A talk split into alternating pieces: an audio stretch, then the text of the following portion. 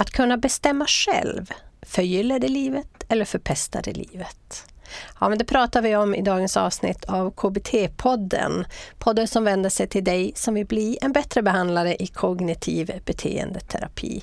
Jag som håller i podden heter Lena Olsson Lalor.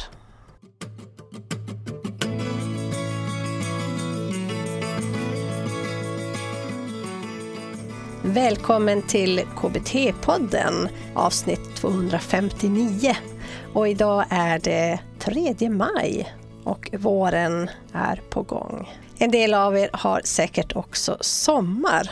Här uppe i norr där jag och Techmillan finns har det faktiskt kommit lite snö idag, men det är vi tacksamma för eftersom det tar bort den gamla snön. Ja, ni vet, det är en ekvation det här med vädret. Idag ska vi fortsätta vår resa med autenticitet och ekvationen självkännedom, självbestämmande och autentiskt liv. Och idag har vi då kommit till självbestämmande. Och vi ska prata med Irena Markover, docent i psykologi, specialist i klinisk psykologi psykolog och psykoterapeut och handledare i kognitiv beteendeterapi. Irena har kommit ut med en ny bok om just autenticitet och tidigare har hon varit med i KBT-podden och pratat om självkänsla och perfektionism. Gå gärna in i poddbloggen bliambattrebehandlare.se 259 för att ta del av alla referenser där, boktitlar och också tidigare spellistor som jag tycker passar bra till det här ämnet. Bliambattrebehandlare.se 259. Jag vill också passa på att tacka dig som stödjer KBT-podden genom att köpa dig en prenumeration. Det är vi evigt tacksamma för, så den kan få fortsätta snurra på. Vi har ju kommit igenom några avsnitt nu, 259 stycken och vi började faktiskt KBT-podden redan 2017. Så vi har hunnit med några vändor. Jag ska inte låta det vänta längre utan här kommer då guldkornet av KBT-poddens långa avsnitt om självbestämmande och ett autentiskt liv. Mycket nöje! Och ju mer vi kan bestämma själv, desto mer är det här idealet om autenticiteten eh, relevant och möjlig att komma åt. Så länge vi, vi satt i en hierarkiskt samhälle, fångna i en roll med väldigt klara förväntningar och eh, krav och, och rättigheter, så fanns det inte så mycket utrymme för självbestämmande och därför inte för autenticitet. Mm. Men det är inte så konstigt att det har blommat upp nu under de 20 senaste åren, de här både teorier och forskning, för den försöker möta behovet eh, hos allmänheten.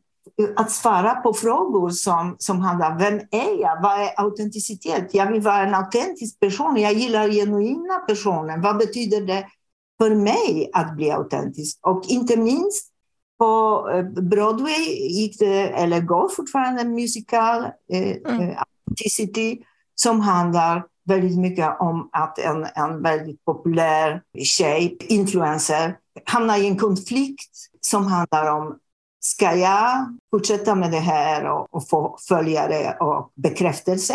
Eller ska jag ha en riktig vänskap?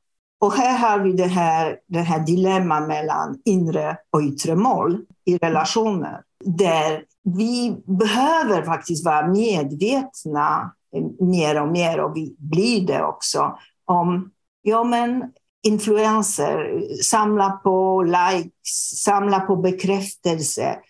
Eh, hela det här digitala landskapet gör att det verkligen bygger väldigt mycket kring det här och också ekonomiska intressen. Men samtidigt ökar eh, möjligheten att bli sig själva, att verkligen utveckla sig själv.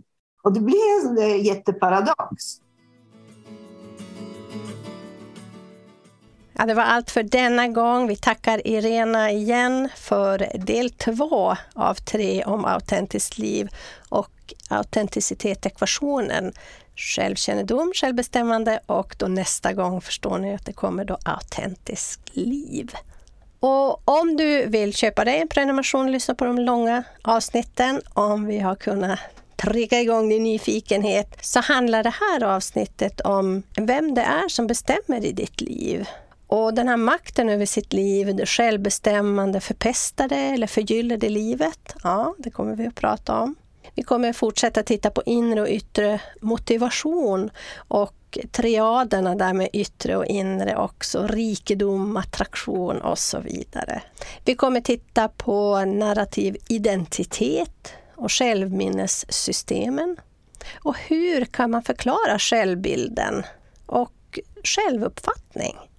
Ja, ni hör att vi följer autenticitet-ekvationen från självkännedom till självbestämmande till ett autentiskt liv.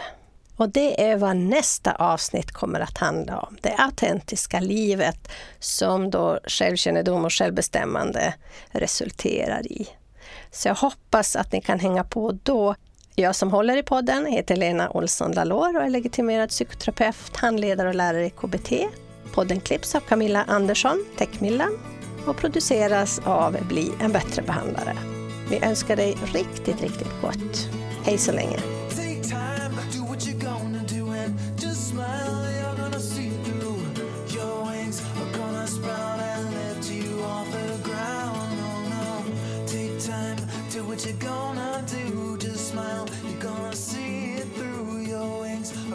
smile and you to fly.